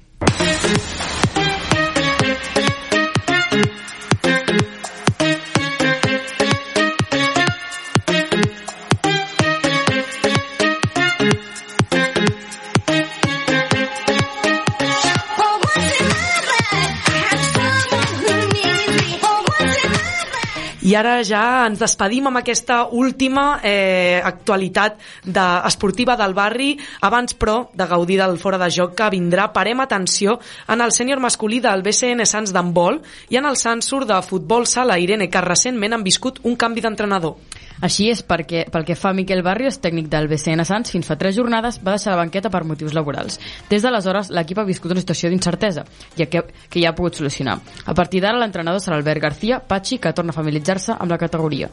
El tema és que jo aquesta categoria tampoc és nova per mi perquè jo ja havia portat el, el Cornellà i el Sapagavà a primera catalana i a Lliga Catalana. Ara és veritat que ja portava uns anys que no, no em dedicava a sèniors d'aquesta categoria i bueno, jo en aquestes dues o tres setmanes que hem pogut estar ja treballant amb els jugadors doncs anaves agafant una miqueta la dinàmica els havia vist els dimecres i dilluns que coincidien amb el tercera catalana que tinc eh, la possibilitat també de portar-los i els veia, els veia i els coneixia i els havia vist alguns jugadors i els havia vist jugar d'enfrontar-me contra ells ja fa uns anys quan jo portava el, el Ràpid Cornellà. I a banda d'entrenar el sènior A, Patxi continuarà amb les seves funcions com a entrenador del sènior B, ja que els horaris no es solapen. Això permetrà la mobilitat entre els equips i comptar amb una gran, una gran plantilla base. que és una plantilla molt, molt, molt jove, potser pues, diria que de les més joves que he portat a la meva carrera esportiva. I, de fet, estic fent que alguns jugadors, com la plantilla del primer equip és una miqueta més reduïda, amb 14 jugadors, doncs fem que jugadors del, del segon equip també reforcin la, el primer equip, primer perquè m'interessa, perquè també ho vegin que es pot arribar en qualsevol moment a, a, pues, bueno, a, com a força, com a apoyo. També ja han jugat, en aquests últims dos o tres partits ja han jugat algun jugador de tercera catalana amb el primer equip i això també ens interessa perquè no es deixi de fabricar i de continuar tenint jugadors que puixin cap a dalt. Pel que fa al Sansur, fins feia unes setmanes l'entrenador era l'Arnau Azuara, que ha deixat el càrrec com a conseqüència dels mals resultats que estaven quedant en l'equip. El capità del conjunt sencenc, l'Oriol Amorós, es mostra content amb el canvi a la banqueta i optimista a la millora de l'equip. I, home, en principi el canvi d'entrenador ha sigut... Ha sigut... Bueno, li ha donat un punt de rauix a l'equip, no? Li ha donat un, un cop de timó, que és el que s'esperava. Que de moment no, no hem pogut acabar de traduir en, en victòries, però ha suposat un canvi d'actitud no? dins de l'equip i també ha arribat un parell de jugadors nous que també ens estan donant un puntet més. S'ha d'acabar de consolidar però les perspectives són bones i, i els, els partits que hem tingut després del canvi d'entrenador s'han vist coses diferents. I en l'últim partit en concret hem tingut la dificultat que ens han faltat molts jugadors per diferents circumstàncies, però jo crec que estem a prop de, a prop de, de tornar a guanyar i, i de posar-nos en, en predisposició de salvar la categoria, que estem justets ara mateix. A més, Amorós confia en salvar la categoria gràcies a la qualitat futbolística del Sansur. No penso que sí, que ens falta res. A la que guanyem dos partits seguits ens ho, ens ho creurem perquè veient els rivals tampoc tenen més qualitat futbolística que nosaltres. Potser com a bloc estan una miqueta més treballats, perquè porten més temps junts, i ens està faltant un puntet de sort, honestament. Hi un partit que, que podíem haver tret més del tret. Doncs ara sí, acabem el repàs de l'actualitat esportiva d'aquest cap de setmana al barri de Sants Montjuïc, però atenció, perquè aquí la Judit s'ha ficat a les xarxes de ple i ens dirà com ha anat la pregunta de la setmana. Així és, i primer de tot recordem la pregunta de la setmana, que era quines de les següents arts marcials no és una disciplina olímpica. I donaven quatre opcions, judo, karate, jiu-jitsu i taekwondo. Nosaltres ja hem donat una pista al tuit que dèiem que tindríem un gran convidat que practica aquesta disciplina i la resposta era Jiu-Jitsu, que a més molta de les persones que han votat han encertat un 80%, o sigui que molt bé, i només alguns despistats o despistades han votat judo, però sí, judo sí que és una, una disciplina olímpica. Sí, les altres tres opcions sí que ho eren, l'única que no és el jiu-jitsu, però hem pogut descobrir més sobre aquest esport amb un gran convidat avui com ha estat el Martín Flores. Ara no us desconnecteu perquè tot seguit arriba el, dis- el fora de joc. ¡Al loro! ¡Que no estamos tan mal, hombre! Puedo ser rico, puedo ser guapo, puedo ser un gran jugador, las personas tienen envidia de mí. que gritón sí, gritona, que tengo un tono de voz alto también, que cuando que digo las verdades sí. Fora de joc. I acabem el programa d'avui, ho fem amb les nostres col·laboradores, les millors, ho havia de dir, la Marina López i la Laura Santos. Què noies, què, què ens porteu avui? Bona nit, abans que res. Bueno, doncs molt bona nit, Anna, tota la taula, i avui presentem un cas que a mi personalment em fa molta gràcia. La veritat. Sí, la... estàvem pensant de sortir una mica del camp de futbol, però, bueno, he vist que a la Laura li ha encantat el fora de joc que expliquem avui, llavors doncs no teníem cap altra opció. Doncs res, no, no, la Laura mana, vull dir, no us faig esperar més i comencem, si us plau. Doncs com ha de ser. L'altre dia estava a TikTok, perdent el temps, quan vaig veure una aplicació d'un noi que es diu, atenció, arroba dragkingjit o com es pronunciï, que aquí el, i ell mateix és conegut com a Drake, que si és el seu nom ho dubto molt, però el coneixerem com a Drake avui. Doncs en aquest vídeo d'en Drake, que evidentment no és el cantant, explicava que hi havia un jugador anomenat Adama Traoré Diarra que utilitzava una tècnica molt particular perquè no l'aturessin ni el lesionessin durant els partits. Exacte, però anem una mica per parts. Adama Traoré Diarra és un, futbolista, és un futbolista que actualment juga com a davanter al club de futbol Wolverhampton Wanderers, Anglaterra. I potser us sona el seu nom perquè també juga a la selecció espanyola i a més el 2012 va jugar al Barça a la categoria B. I també, després de molts anys fora del Barça, ahir la Vanguardia traia una notícia explicant que aquest jugador és el nou fitxatge del Futbol Club Barcelona. El cas és que Adama és un jugador molt fort, potent i ràpid, cosa que dificulta molt als seus contrincants que l'aturin o el puguin defensar quan aquest arranca a córrer. Clar, això és bo perquè el col·loca en una posició de molta superioritat respecte als seus defenses, però justament per aquesta raó els defensors faran tot el possible per aturar-lo. Inclús, bueno, ja sabem el que passa moltes vegades al futbol, això de fer una patadeta, posar un peu per on no toca, o agafar dels braços i la samarreta... I justament que l'agafin del braç és molt problemàtic per ell, perquè tal com hem trobat a un article de Deport.com, sabem que s'ha arribat a dislocar les espatlles fins a quatre vegades. I sincerament, eh, que et comencin a agafar per tot arreu, sobretot a una zona on ja t'has lesionat prèviament, i has hagut d'estar recuperant tot un temps, a mi he de dir que tampoc em faria gaire gràcia. El tema és que la dama se n'ha cansat i, fart de que l'agafin dels braços, ha decidit posar fi a aquesta situació. Com ho ha fet? Doncs el futur jugador del Barça ha decidit, atenció, posar-se oli per nadons per tot el cos. Ostres, això jo sí que no, no ho havia sentit mai, però perdoneu, aquest oli, eh, en què es diferencia de, de l'oli normal? Gran pregunta, Anna. doncs, tal com diu la nostra font preferida, que és la Viquipèdia, eh, aquest tipus d'oli es posa als nadons per mantenir la pell suau i flexible, que també es pot posar juntament amb altres locions. Pel que hem llegit, també es pot utilitzar eh, per alguns tipus de massatges en persones adultes, sobretot en esportistes. I la qüestió més important és que suficientment lliscant com perquè quan vingui algú a tocar els nassos a la dama i li comenci a agafar els braços, les mans li rellisquin i el davanter vull continuar corrent. Això no és cap secret. De fet, li van preguntar sobre aquesta qüestió a Nuno Santo, l'entrenador que tenia en aquell moment la dama al Wolverhampton Wanderers. I va dir que no havia sigut pas idea seva, però que resulta que l'oli per nadons anava superbé. Eh, que justament al ser tan difícil aturar la dama es produïen situacions força violentes que, que arribaven realment a fer-li mal. I aquesta solució va arribar a evitar el problema.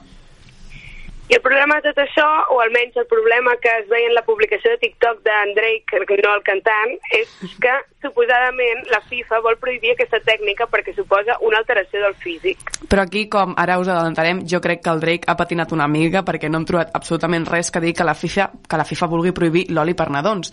I a més no és una idea de la dama que se li va passar pel sobte del cap i va dir, ostres, mira, doncs si em poso una mica d'aceite virgen extra em rellisquen un munt els braços. No, realment va ser per una recomanació mèdica per evitar un tipus de lesió que aquest jugador ja és propens a patir. Potser més que l'oli d'oliva va millor el de girassol, eh? però de tota manera ens ha semblat un tema de debat interessant. I en el fora de joc s'han parlat de moltes tècniques que utilitzen els atletes per ser més ràpids o per tenir una petita avantatge a l'hora de guanyar, com per exemple els banyadors en casos de nedadors.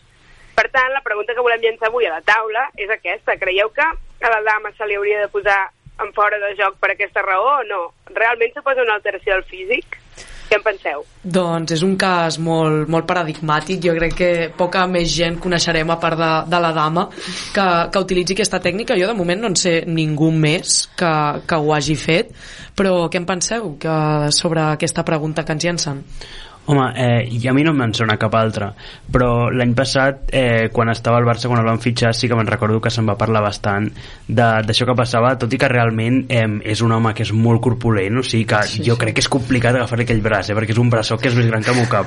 No, no, dir, podria ser la cama d'un altre jugador de futbol Podria ser. perfectament. Perfectament. Llavors, era, recordo la temporada passada, una constant veure l'arribar a línia de fons, que hi ha molts jugadors que els hi costa moltíssim, i ell, bueno, ho feia 4.000 cops al partit, perquè és que jo crec que eh, això hauria fer al principi, perquè jo crec que a hores d'ara ja no li cal. Vull dir, és que tu el veus allà superfort i...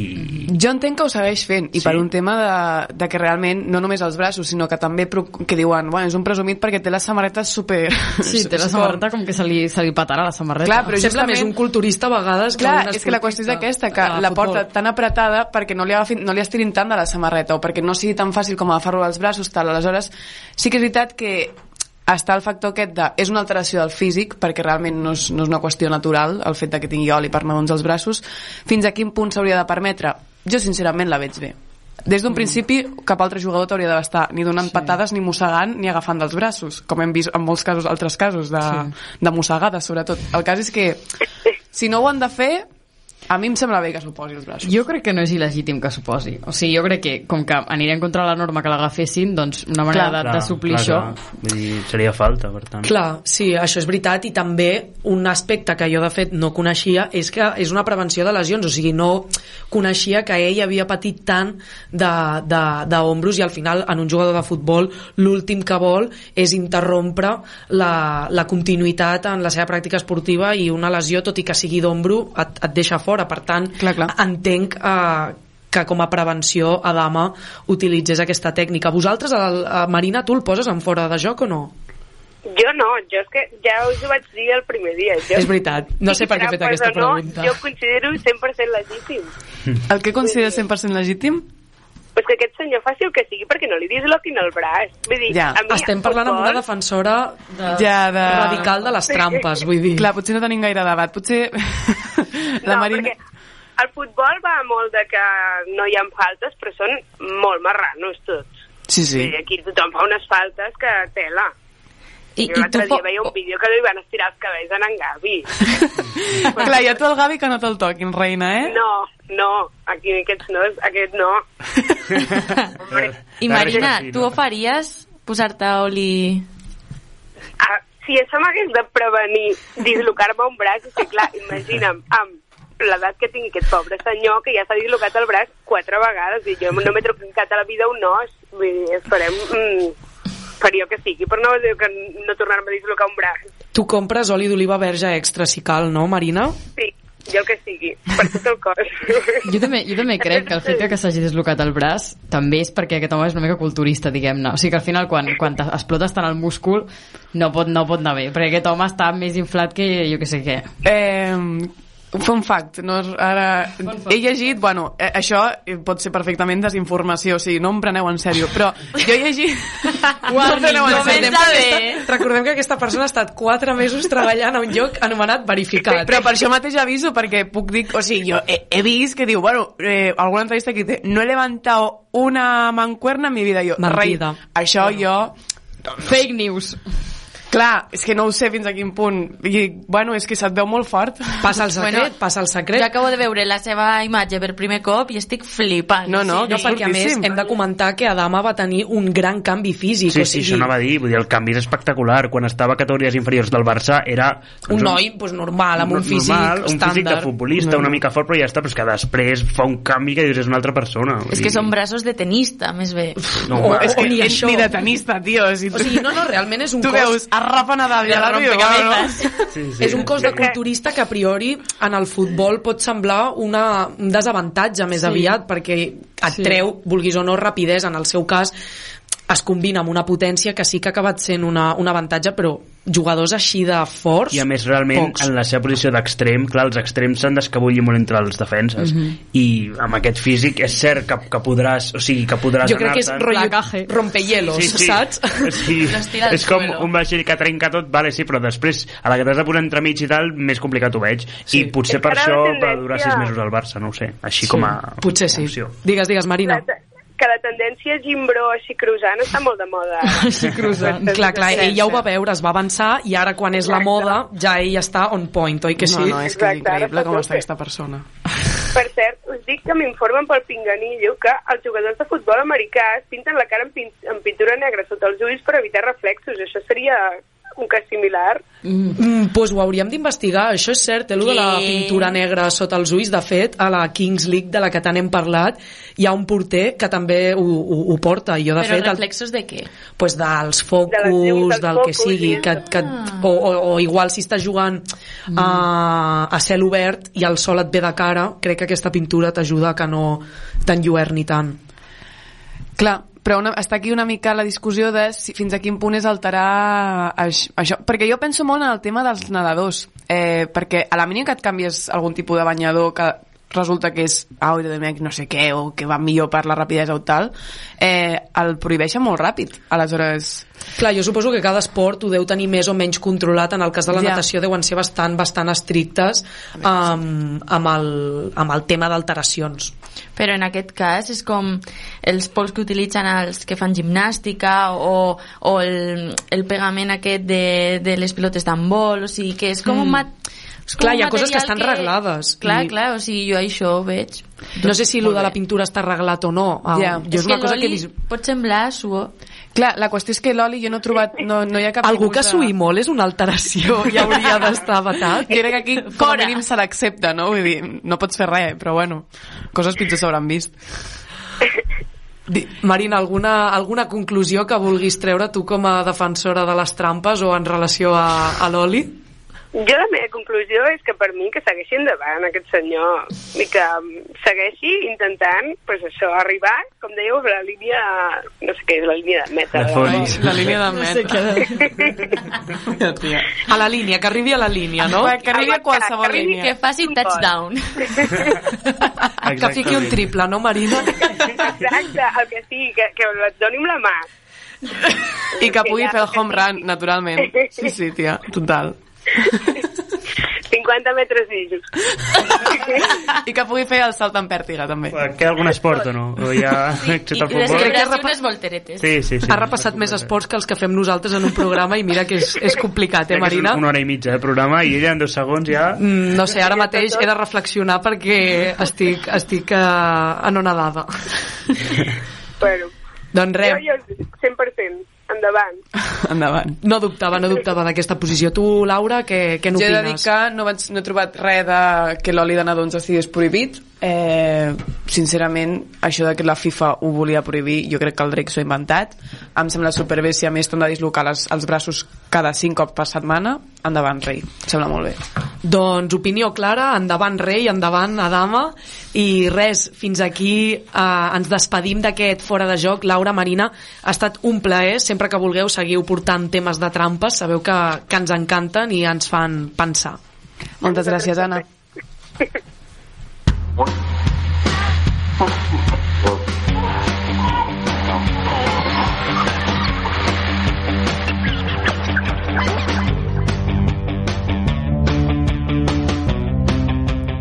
I ara, I ara és moment dels agraïments i dels acomiadaments en aquest darrer programa del mes de gener, que ha estat molt, molt intens, hem tocat moltíssimes coses, però això és possible gràcies a la gent que forma part d'aquest equip. A l'altra banda del vidre, donar les gràcies pel suport tècnic al Pau Gaté i a l'Oleguer Forcades, i aquí dins de l'estudi donar les gràcies en totes les tasques possibles de producció, locució, guió, al Bru Domingo. Moltes gràcies. Gràcies a tu, com sempre. I també aquí al meu costat a la Irene Mendoza, gràcies. Moltes gràcies. A la meva dreta, donar les gràcies a la Judit Tomàs. Gràcies a, a tu, Anna. No, a tu. A tu! I escoltant-nos des del carrer, donar les gràcies a l'Albert Postils, que avui malauradament no ha pogut estar amb nosaltres, però que de ben segur en el proper programa el tornarem a escoltar. I aquí ens despedim. Uh, recordeu, com sempre, teniu una cita amb nosaltres el proper dilluns 6 de febrer a les 8 del vespre per repassar tota l'actualitat esportiva del barri de Sants Montjuïc. Ciao, ciao, ciao, ciao.